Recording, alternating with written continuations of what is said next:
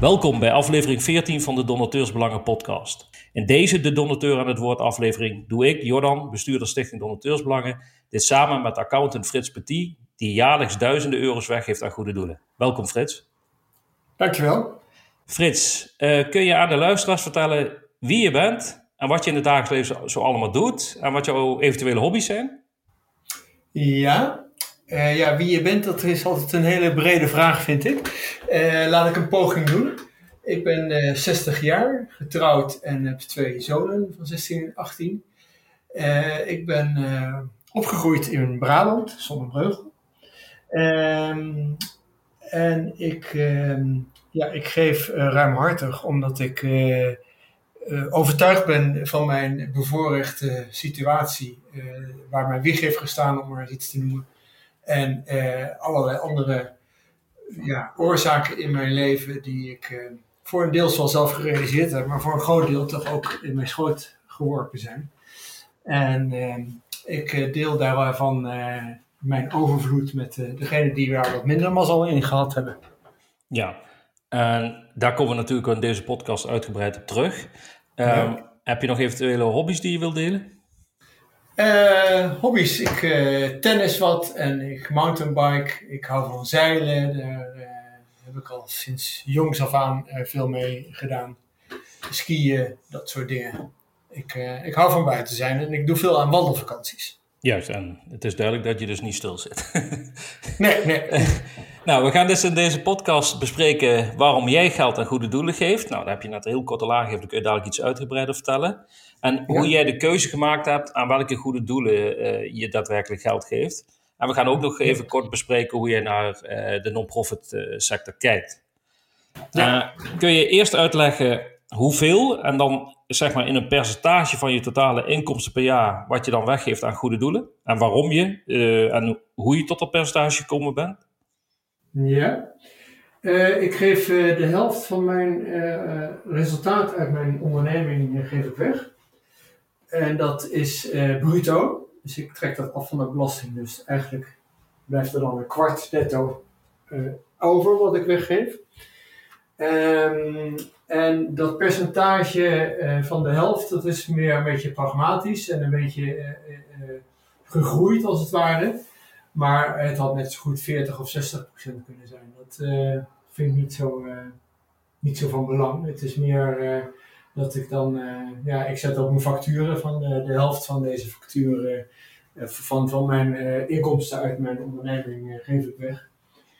Ja, um, 50%, 50 is nogal wat. Uh, dus je geeft aan, het, of het nou 40 of 60 procent is, dat maakt niet uit. Maar kun je aangeven waarom je toch op dit uh, specifieke, zeg maar de helft van je vermogen met dan uh, belastingvoordeel uh, uitgekomen bent? Waarom je voor de, juist dat percentage gekozen hebt? nou, ik, ik wil er nog wel bij aantekenen. Ik zeg niet voor niks, ik trek het af. Dus het is eigenlijk maar een kwart. Want mm -hmm. Uh, ik heb ook nog overig inkomen, want ik heb nog een appartement in Amsterdam wat ik verhuur. En dat tel ik daar niet bij voor gemak. Ja, daar heb ik gewoon voor gekozen. Um, en ik dacht, ja, het, het, is heel pragmatisch eigenlijk. Van, ik kan op mijn facturen zetten, de helft van mijn resultaat geef ik weg. En, en, dat is makkelijker dan 40% of 60% te zeggen. Ja, dat is, is eigenlijk een beetje de achtergrond. Ja, en, ja, inderdaad. En uh, je gaf ook net aan van, uh, uh, ik heb wat dat betreft geluk gehad met de baan die ik heb, et, et cetera. Um, ja, hoe, kijk je naar, hoe kijk je daar eigenlijk naar? Van, is dat echt voor jou de, de, de beslissing geweest om te zeggen van, kijk hier wat ik krijg of ontvang voor dit werk. Uh, ja, dit laat zien dat ik geluk heb gehad? Of ja, hoe, hoe, kun je dat eens uitleggen? Je gaf net aan van ja. I'm one of the lucky ones, zeg maar. Ja, ja. nou, puur in materiële zin is een heel duidelijk voorbeeld. Ik, zeg, ik gaf net aan dat ik een appartement verhuur in Amsterdam. Ik heb 30 jaar geleden een huis gekocht in Amsterdam voor ja, een, relatief laag bedrag. En dat heeft in die 30 jaar voor waardestijging en verhuuropbrengsten net zoveel opgeleverd als dat ik met mijn werk verdiend heb. En ik ehm, ben ervan overtuigd dat dat maar een heel klein deel op mijn eigen konto te schrijven is, maar dat dat voor een heel groot deel mij in mijn schoot geworpen is. Bijvoorbeeld de waardestijging van onroerend goed in Amsterdam. Daar heb ik toch bijna mijn best voor hoeven te doen. Ik heb ook relatief beperkt maar risico genomen, want ik heb heel duidelijk toen ik het kocht met de makelaar eh, doorgenomen van ik koop toch geen kat in de zak. Nee, nee, nee, dit krijg je er wel weer uit. Ja, dat, dat, dat, achteraf bezien is het een waanzinnige goudmijn gebleken. Ja, inderdaad. Ja. Uh, ja. Maar mijn, mijn, mijn uh, bevoorrechte positie gaat natuurlijk veel verder. Gaat van waar heeft mijn wie gestaan in een stabiel gezin. Uh, ik, heb, ik heb een goede sociale ontwikkeling mee kunnen maken. Met broers en zussen, met warme familiebanden en noem het allemaal maar op. Ja, er zijn zoveel mensen die, ja, die treffen het veel, veel minder. Bovendien ben ik een beta. Nou, over het algemeen worden mensen die goed met cijfers zijn beter betaald dan mensen die creatief zijn, om maar eens iets te noemen. Nou, eh, daar, dat is niet iets waar, waar ik zelf voor gekozen heb om een beta te zijn. Dat, eh, dat zat in mijn genen. Uh, Oké, dan moet je er wat mee doen. Mee. Maar ja, betekent dat dat je meteen al een, fors, een voorsprongetje hebt ten opzichte van iemand die heel graag creatief wil zijn. Of heel graag in de zorg wil werken. Of als docent op een basisschool. Wat in mijn ogen ook heel belangrijk werk is. Ja, maar zeg je daarmee dus ook dat diegenen die uh, het geluk hebben gehad, zeg maar, om meteen in een belangrijke functie uh, behoorlijk wat te verdienen, dat die eigenlijk allemaal uh, jouw voorbeeld zouden moeten volgen, waarbij geldt dat anderen die iets minder fortuinlijk zijn, ja, het op een andere manier zouden kunnen invullen? Of zeg je, er moet ook iets gebeuren aan ja, dat verschil tussen inkomsten voor verschillende banen? Uh, ik denk een beetje van beide, maar laat ik vooropstellen dat ik niet anderen de maat neem met dit verhaal, maar dat ik vertel hoe ik zelf redeneer en in elkaar zit. Ja. Uh, het is voor iedereen aan zichzelf om uh, te beoordelen of, of, te bekijken hoeveel mazzel die heeft gehad, om het zo uit te drukken. En met hiermee zeg maar naar buiten treden, onder andere via deze podcast, hoop ik sommigen te inspireren daartoe. Maar het betekent niet dat ik eh, mensen een schuld probeer aan te praten van ja, realiseer je hoeveel vinkjes je hebt en dit en dat. Uh, maar uh, ja, voel je geïnspireerd als het je past. Ja. En uh, ik geef dan geld weg, maar een ander die is weer heel goed in, het, in een buurthuis de boel draaiende houden of een voedselbank op te zetten of in het bestuur van de zonnebloem te gaan zitten. Of, nou, er zijn zoveel mogelijkheden om ja, uh, te delen van de talenten die je hebt. Juist, of, of, of, zoveel mogelijke manieren om te geven, inderdaad. En dat is denk ik wel een heel belangrijke die je aanstipt. Dat geven gaat niet alleen om geld. Je kunt op allerlei manieren uh, een bijdrage leveren. Doe je vrijwilligerswerk, uh, et cetera, et cetera. Dus, dat is echt heel goed. Um, over dat inspireren kom ik later denk ik nog even terug. Ik ben eigenlijk nu nieuwsgierig. Um, geef je aan één specifiek goed doel of heb je besloten aan meerdere goede doelen te geven? Ja, ik, uh, ik geef aan een redelijk uh, breed palet uh, goede doelen, maar voor het merendeel is dat wel gericht op kansenongelijkheid en armoedebestrijding. dus ik geef niet zo snel aan kankeronderzoek of aan milieuorganisaties of dergelijke. En dat betekent niet dat ik daar niet achter sta, maar wel ja, ik, ik kan natuurlijk niet alles. En ik, uh, armoede en kansenongelijkheid heeft mij, uh, daar ik mee verdiept. En daar ben ik uh, ja, heel erg door, ja, zeg je dat, aangegrepen. Of in ieder geval, het komt echt bij me binnen van hoe oneerlijk dat is. hoe dat kan uitpakken. Ik werk bijvoorbeeld ook als, nou ja, niet als vrijwilliger, ik krijg een kleine vergoeding voor bij bureau schuldopverlening al jaren. En daar zie ik hoe dat uh, ja, zijn effect kan hebben zonder dat mensen daar zelf heel veel uh, aan hebben kunnen doen. Ja, en je zegt ik heb daar zelf onderzoek naar gedaan. Uh, geldt dus dat je zelf onderzoek gedaan hebt en zelf dus tot die keuze gekomen bent om een bepaalde categorie aan goede doelen te, te geven? Ja. Of ben je daar ook bij geholpen door externe? Of geldt dat je echt die analyse helemaal zelf gemaakt hebt? Nou, allebei. Uh, ik heb veel uh, boeken gelezen over ongelijkheid en uh, ja, hoe, hoe de armoede verdeeld is in de wereld, maar ook in Nederland. Ehm, maar ik ben ook op het pad gekomen van effectief geven. Dus meer dan de helft van wat ik geef, geef ik echt bewust aan effectieve doelen. En dan word ik onder andere geleid door de Amerikaanse organisatie GiveWell. Die daar op een hele professionele, deskundige, transparante manier uh, onderzoek naar doet. Naar wat is nou, als ik 100 euro aan een ene doel geef, wat doen die daarmee en wat doet een ander doel daarmee? Uh, en de ene heeft natuurlijk een beter resultaat of een gunstiger resultaat, als je het wil noemen, dan de ander. Dus daar kan je in differentiëren. En een, een bekend voorbeeld daarvan is misschien wel malaria-netten. Die blijken heel effectief te zijn voor elke euro die je eruit geeft aan hoe het mensenlevens kan verbeteren. Ja, zo, en, zo zijn er bepaalde ja. ja. Betekent dat dus ook dat je eh, voornamelijk aan buitenlandse organisaties geeft? Omdat, voor zover ik weet, uh, nog niet heel veel Nederlandse organisaties bij dat uh, GiveWell of bij het effectief altruïsme zich hebben laten toetsen. Ja, nou dat klopt, dat klopt wel. Ehm, maar ik heb bijvoorbeeld afgelopen jaar aan die, de stichting Doneer Effectief, die vorig jaar is begonnen heb ik ook een flink bedrag gedoneerd, omdat ik het belangrijk vind dat dat in Nederland van de grond komt. Ja, en is dat dan ook een beweging waarvan je zegt, daar wil ik me ook wel voor in gaan zetten? Of laat je dat gewoon, ben je een van de deelnemers, zeg maar? Nou, eigenlijk doe ik dat al. Als accountant ben ik betrokken bij deze stichting. Mhm. Eh, eh, niet professioneel, hoe, hoe ik maar wil zeggen, maar wel om ze te ondersteunen dat hun uh, administratieve proces goed werkt en dat ze uh, zo min mogelijk externe accountantskosten hebben, doordat ik daar mijn expertise in, in bijdraag. Ja, dit is natuurlijk wat je zegt, het effectief altruïsme, een soort van, ja. Ja, laten we het een beweging noemen. Dan heb je ook nog de Giving Pledge. Ben je daar bekend mee? Ja, uh, ik denk niet dat datgene wat je doet, uh, zeg maar onder de Giving Pledge valt, omdat je daar eigenlijk een soort van pledge moet ondertekenen als vermogende, dat je zegt, ik ga zoveel van mijn geld weggeven. Ja. zie, zie, ik dat goed? Ja, ja dat, dat is, ik vind het op zich een mooi gedachtegoed hoor, maar het is niet iets wat heel erg bij mij past. Ik ben meer van mijn eigen weg en mijn eigen autonomie en ik heb niet een Giving Pledge nodig om dit geefgedrag te ja, te vertonen, zeg maar. Aan vaste klanten of zo. Juist, maar je bent dus gewoon. Ja? Het kan voor sommige mensen heel goed werken, dat kan ik me voorstellen.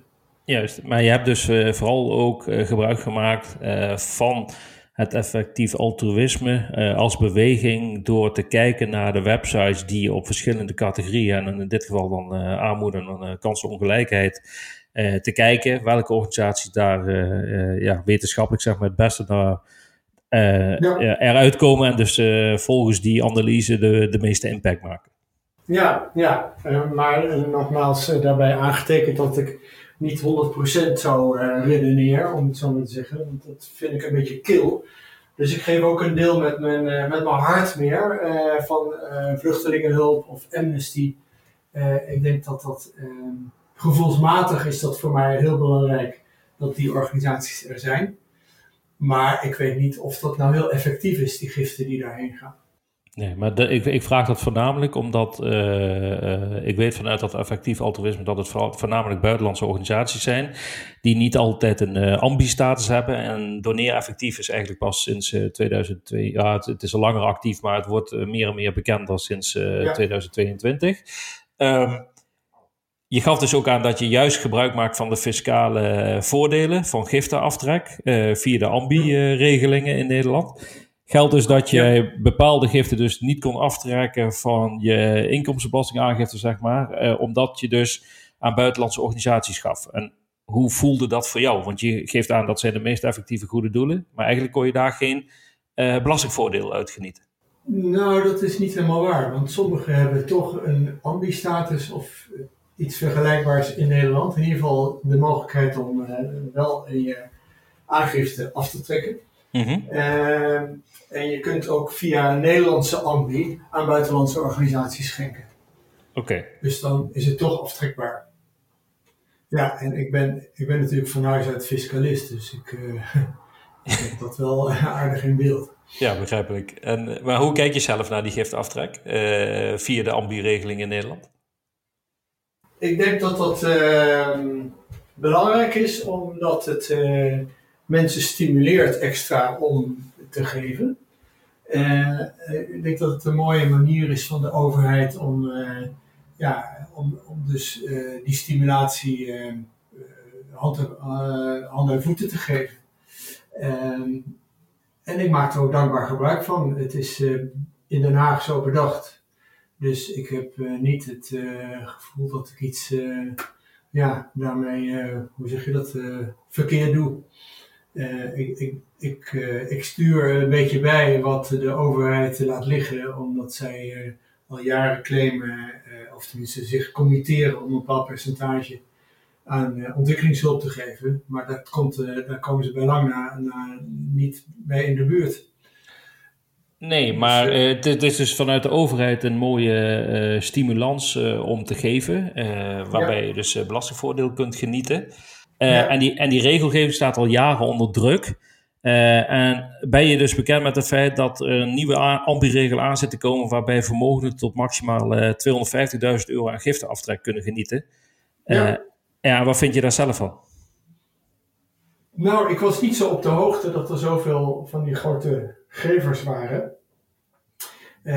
Ik kreeg deze vraag kort geleden ook. En ik, ehm, ik vind eigenlijk, of mijn indruk is, ik ben er niet echt in verdiept, maar mijn indruk is dat het meer symboolpolitiek is dan dat het werkelijk iets doet aan waar, waarvoor ze het doen. Ehm, ik denk dat je op een andere manier ja, on, oneigenlijk gebruik van de giftenaftrekmogelijkheid zou te lijf moeten gaan en niet door zo'n plafond in te stellen. Want blijkbaar is dat toch een hele belangrijke bron van inkomsten voor een aantal goede doelen. Ja, dus eigenlijk zeggen van uh, eigenlijk een symboolpolitieke regeling die uh, ja, totaal uh, niet datgene gaat bewerkstelligen waarvoor die ook in het leven dadelijk wordt geroepen. Nee, en, en, meer schade gaat aanrichten aan de goede doelen dan dat je het oneigenlijk gebruik van giftenaftrek bestrijdt. Oké. Okay. Um, als je kijkt naar Nederlandse goede doelen, dan hebben we in Nederland een, een toezichthouder op goed doen, het CBF. Ja. is het voor jou belangrijk dat bepaalde goede doelen die CBF-erkenning hebben, of is dat niet een criteria waar je, waar je echt naar kijkt? Nee, daar kijk ik niet echt naar. Ehm, ik, ja, ik, ik, ik, ik, heb me er ook niet echt in verdiept, moet ik eerlijk zeggen. Maar ik, ik, mijn gevoel geeft me niet uh, nou een heel uh, uh, ja, zekerheid van oh CBF, nou dan is het goed. Eh, er zijn, eh, het is een beetje een papieren tijger in mijn gevoel. En het, het, het, kan best zijn dat het bepaald garantie geeft, maar het kan net zo goed zijn dat iemand of een organisatie die een CBF-keurmerk heeft, ja, toch ook niet effectief is. Of bijvoorbeeld niet een, een, een eh, heel, heel slim omgaat met jouw donaties.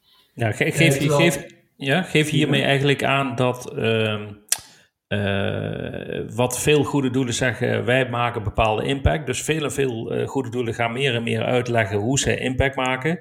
maar jij geeft eigenlijk aan, al maak je impact, je zult ook uit moeten leggen hoe doelmatig die impact gehaald wordt. Precies, ja. En ik denk dat die GIFL-organisatie die je kan noemen, die dus in, in, internationale zin kijkt van hoe doelmatig zijn die goede doelen, die uh, heeft bijvoorbeeld transparantie heel hoog staan. En ik denk dat dat veel belangrijker is dat je transparant bent dan dat je een, een stempel hebt van een, een toezichthoudende organisatie. heb je daar voorbeelden van? Hoe, hoe GIFL zeg maar, die transparantie controleert dan? Uh, Oeh, nee, dat kan ik zo niet uh, oplepelen hoe dat... Uh... Nee, maar je gaat er dus vanuit vanwege die uh, criteria die GIFWell heeft, waarbij dus transparantie centraal staat, dat zij dus daadwerkelijk gecontroleerd hebben of die organisaties transparant over ja, hun ja, inkomsten gaan. Ik heb, er wel, ik heb er wel vertrouwen in, ja. Oké. Okay. Nou, um, ja, je gaf aan van, ik hoop anderen te inspireren. Uh, ik, had het, ik heb het al een beetje eh, gevraagd, maar ben je dan ook zelf actief in uh, verschillende bewegingen om anderen ook daadwerkelijk zover te krijgen om ook te gaan geven? Of zeg je van nee, ik ben gewoon een individuele giftgever die op basis van effectief altruïsme geeft. Maar ik ben niet iemand die zeg maar vooruit loopt om ook aan die beweging deel te nemen. Anders dan bijvoorbeeld via zo'n podcast zoals nu.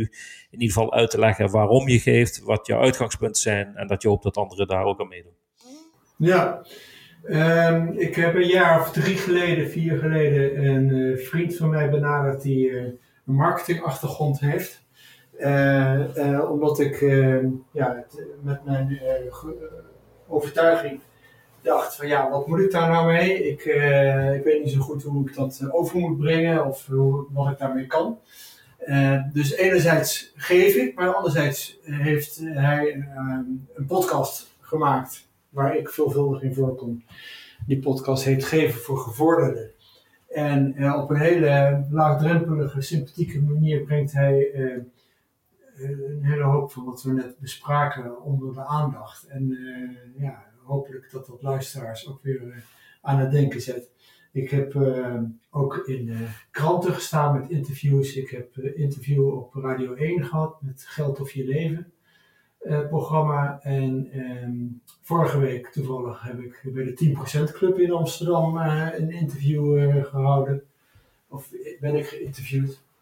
Dus op die manier probeer ik ja, ook wat naar buiten te treden met mijn verhaal. En uh, wellicht, uh, ik, denk er zal altijd wel een paar mensen tussen zitten die denken van hé, hey, daar, uh, dat is interessant. Daar ga ik veel meer in verdiepen of daar ga ik mee aan de slag of wat dan ook. En ehm, dat is, dat is waar ik, waar ik het voor doe. Ja, het is wel leuk om te horen. ik, dit wist ik niet van jou, dat het specifiek uh, dat je ook al uh, zeg maar, gekoppeld bent en geld gegeven hebt aan Doneer Effectief. Want die hebben we al in een eerdere podcastaflevering uh, gesproken. Ja. Bram hebben we daar geïnterviewd. En in de toekomst gaan we inderdaad ook een aflevering met de 10% Club opnemen. Dus dat, is, dat is ook wel interessant. Um, maar ik ben nog even geïnteresseerd naar de podcast. Hij heette geloof ik Geven voor Gevorderden. Ehm, die gaan we zeker even ook zelf bekijken, want op onze eigen podcastpagina op de website Donateursbelangen uh, nemen we ook andere podcasts op die over geven gaan. Dus uh, we zullen zeker even kijken en ja. deze dan toevoegen aan de pagina, zodat donateurs die interesse hebben in de non-profit sector en willen weten wat er allemaal bij komt kijken met betrekking tot geven, ja, die kunnen waarschijnlijk uit die podcast dan ook allerlei informatie opdoen. Dus, ja, zeker. Die zullen we zeker dus even, ja, die zullen we zeker dus ook zelf even gaan bekijken en waarschijnlijk uh, gaan toevoegen aan onze website.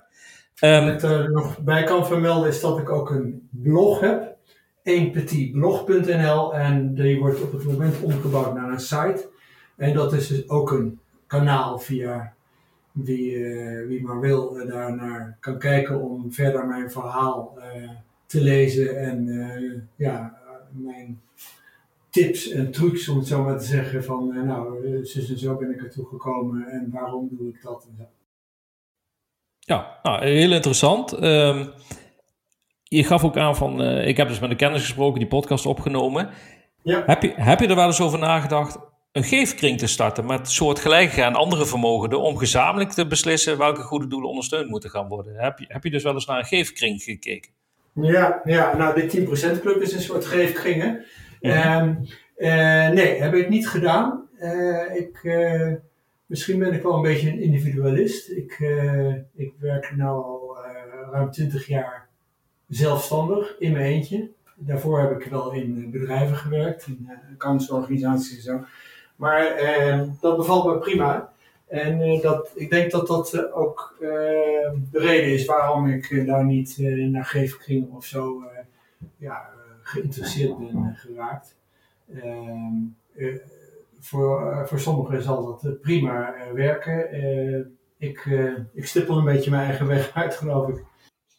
Ja, dat, dat, is ook altijd heel goed hè, als je zelf je eigen weg gaat. Maar vanuit, je, vanuit je professie zou je dus daadwerkelijk ook geefkringen kunnen ondersteunen vanuit het fiscale verhaal. Zeg maar. Als ja. geïnteresseerden zich zouden melden bij je kantoor, dan zou je dus kunnen zeggen van, eh, ik kan je inderdaad voorzien en helpen bij het eh, starten en ondersteunen van de geefkring, eh, waarmee je de fiscale voordelen kunt benutten. Ja, ook. Maar op al, ook andere gebieden wil ik absoluut mijn inzichten en kennis delen als mensen daar behoefte aan hebben. Dus, ja, je hebt het al een beetje aangesneden. maar ik vraag me dus ook af, als ik jou zo hoor, Frits, dan vind je eigenlijk dat geven en doneren ja, veel effectiever kan. Um, en wellicht ook moet. Uh, En mhm. geef je daarmee aan dat, het, dat er zoveel aanbod is, waardoor je vaak door de boom het bos niet ziet. En dat je de pareltjes zeg maar, zelf moet gaan zoeken waar je het beste kunt geven. Of vind je dat dat voor iedereen toch wel, als je dus kijkt vanuit een uh, donateursbelang, iemand, en dan hebben we het misschien over gewoon iemand die zijn hard uh, verdiende centen uh, nog iets kan geven aan goede doelen, dat er iets overblijft. Denk je dat die personen helder kunnen zien wat nou het bij, het meeste bijdraagt? Of denk je dat het toch best wel lastig is om een keuze te kunnen maken welk goed doel is nu daadwerkelijk uh, goed voor mijn geld wat ik daaraan geef? Ja, nou, ik denk dat je eerst uh, dicht bij je eigen leest moet blijven door te zeggen, nou, waar gaat mijn hart naar uit? Waar, waar heb ik sympathie voor? Of waar loop ik warm voor? Of waar ben ik ongerust over? Ehm, dat dat uh, in eerste instantie leidend moet zijn. Ja, dat effectieve van mij, dat is ook voortgekomen uit de wetenschap dat uh, uit onderzoek bleek dat iets van 70% maar liefst niet effectief ge, gegeven wordt.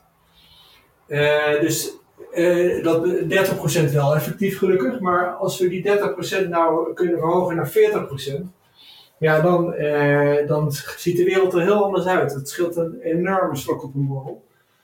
Um, dus dat is mijn uh, drive om, uh, om dat effectief geven, ehm, ja, om daar sympathiek tegenover te staan. Betekent niet dat ik daar heel absoluut in ben van alles moet effectief. Maar wel, ja, we zouden met z'n allen iets beter bij kunnen sturen. Kijk, als wij een ehm, een koelkast kopen, dan gaan we ook naar uh, de prijsvergelijker of de, nou, de consumenten, uh, hoe zeg je dat, beoordelingen kijken. Van wat is nou een goede koelkast? Terwijl als je geeft alleen maar je hart volgt, ja, dan kan je toch ook af en toe denken, nou, ik wil mijn hart wel volgen, maar ik wil toch ook met mijn 100 euro zoveel mogelijk goed. Ja, alleen wordt vaak in de goede doelensector gezegd, je kunt goede doelen niet vergelijken op basis uh, als je kijkt naar een voorbeeld, uh, ik pak maar even de Hartstichting en Natuurmonumenten. Dat zijn totaal twee verschillende organisaties. Hoe wou je die vergelijken? Zeg je dan dat vergelijking alleen mogelijk is binnen bepaalde categorieën waarbij uh, goede, gelijke goede doelen zeg maar, daadwerkelijk vergeleken kunnen worden? Ja, klopt. En, ik, denk, ja. ik denk niet dat je, om het zomaar uit te drukken, appels met peren moet willen vergelijken. Juist. Maar wel verschillende soorten appels. Ja, inderdaad. Ehm, maar dit, dit, je, je denkt uh, en hoopt een bijdrage te leveren door te geven aan dit soort organisaties. Vind, je, vind je eigenlijk dat het uh, vanuit ander niveau al uh, geregeld zou moeten zijn? zoals je volgens mij ook een beetje aangaf. Maar dat door het, ja, misschien hard gezegd, maar door het falen van, en dan zeg ik niet de Nederlandse overheid, maar misschien overheden, dat goede doelen noodzakelijk zijn om dit daadwerkelijk voor elkaar te gaan krijgen in de wereld. Nou, uh, ik, ik, wil niet zo snel met een uh, zwarte piet gaan wijzen, maar uh, ik denk dat het uit de historie logischerwijs zo is gegaan dat ja, goede doelen, dat was altijd een beetje geitenwolle sokken links imago. het wordt nou wat professioneler en dat is, het moet natuurlijk niet doorslaan, want het blijft toch een soort ja, goed gevoel sector of een uh, goed, ja, goed doen uh, zit het al een beetje in. Um, dus ik denk dat daar uh, gewoon een, een, een, verbeteringsslag gemaakt kan worden. Waardoor we met z'n allen, wat we toch willen, dat goede doen beter tot hun recht laat komen. Ja, nu jij dus, zoals dat zo mooi heet in die sector, een major donor bent, omdat je een behoorlijk aantal uh, goede doelen steunt en behoorlijke bedragen geeft waarschijnlijk. Mm -hmm. Geldt dan ook dat jij een speciale behandeling vanuit die goede doelen krijgt? Heb je dat gevoel? Word je op een andere manier benaderd dan iemand die standaard een tientje per jaar geeft, bijvoorbeeld? Uh, dat denk ik wel, maar ik hou dat altijd heel erg af. Ik uh, ben niet geïnteresseerd in uh, telefoontjes en op de hoogte gehouden worden, et cetera. Ik heb mijn eigen onderzoeksactiviteit, om het zo maar te zeggen, mijn overwegingen. En dat is het dan. En ik, ik ga niet achteraf toetsen van uh, nou, hebben ze me 1000 euro wel uh, op de goede manier besteed? Uh, natuurlijk wel, ik ga ieder jaar weer heroverwegen van geef ik aan dit of dat goede doel. Maar um, ja, ik, ik, ik, nogmaals, zodra ik gebeld word van, oh, u heeft zo'n grote gift gedaan en dank u wel, nou prima, fijn, maar u hoeft mij niet weer te bellen, want ik, ja, ik heb die telefoontjes niet nodig. Is het wel eens voorgekomen dat je dan alsnog gebeld werd? Nee hoor. Nee, ik ben er al vrij duidelijk in vaak. maar, maar stel een organisatie zou dat doen, zou je dan voor jezelf de beslissing nemen van hé, hey, dat kan wel eens betekenen dat ik mijn geefgedrag daarop aan ga passen? Nou, nee, dat ook niet, niet zo snel hoor. Oké. Maar uh, nee, over het algemeen gaat dat gewoon wel goed. Um, je geeft dus nu jaarlijks op basis van de, de inkomsten vanuit het werk eh, wat je doet, vanuit de, de, organisatie. Um, stel, uh, je gaf aan je bent 60, binnenkort ben je met pensioen, misschien ga je nog wel andere dingen doen. Mhm. Uh, ben je ook iemand die zegt van uiteindelijk als het leven eindigt, zal ik ook nalaten aan goede doelen? Of kijk je daar heel anders naar?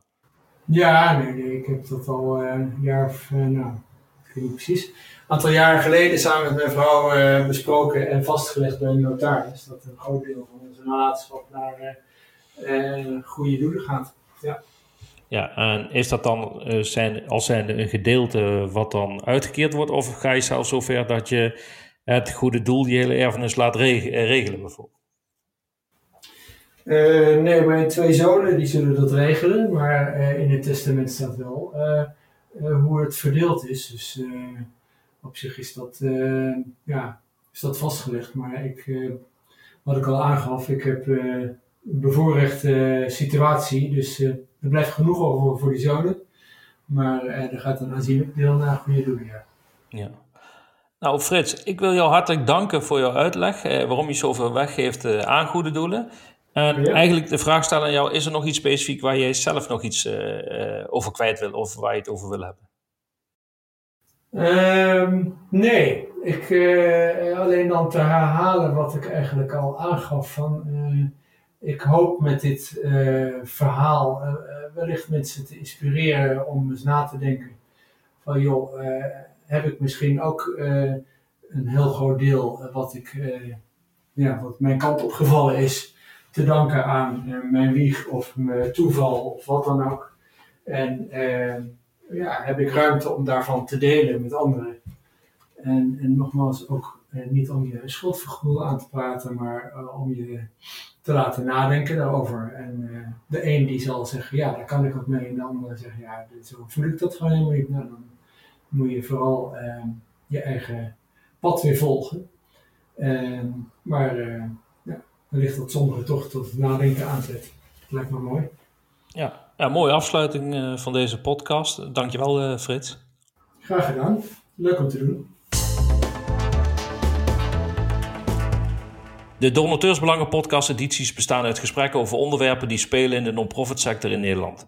Voor meer informatie of eerdere afleveringen ga naar donateursbelangen.nl/slash podcast. Wil jij of jouw organisatie een bijdrage leveren omdat jullie een interessant onderwerp hebben met betrekking tot de non-profit sector en donateursbelangen in het bijzonder? Neem dan contact met ons op. Tot de volgende Donateursbelangen podcast aflevering.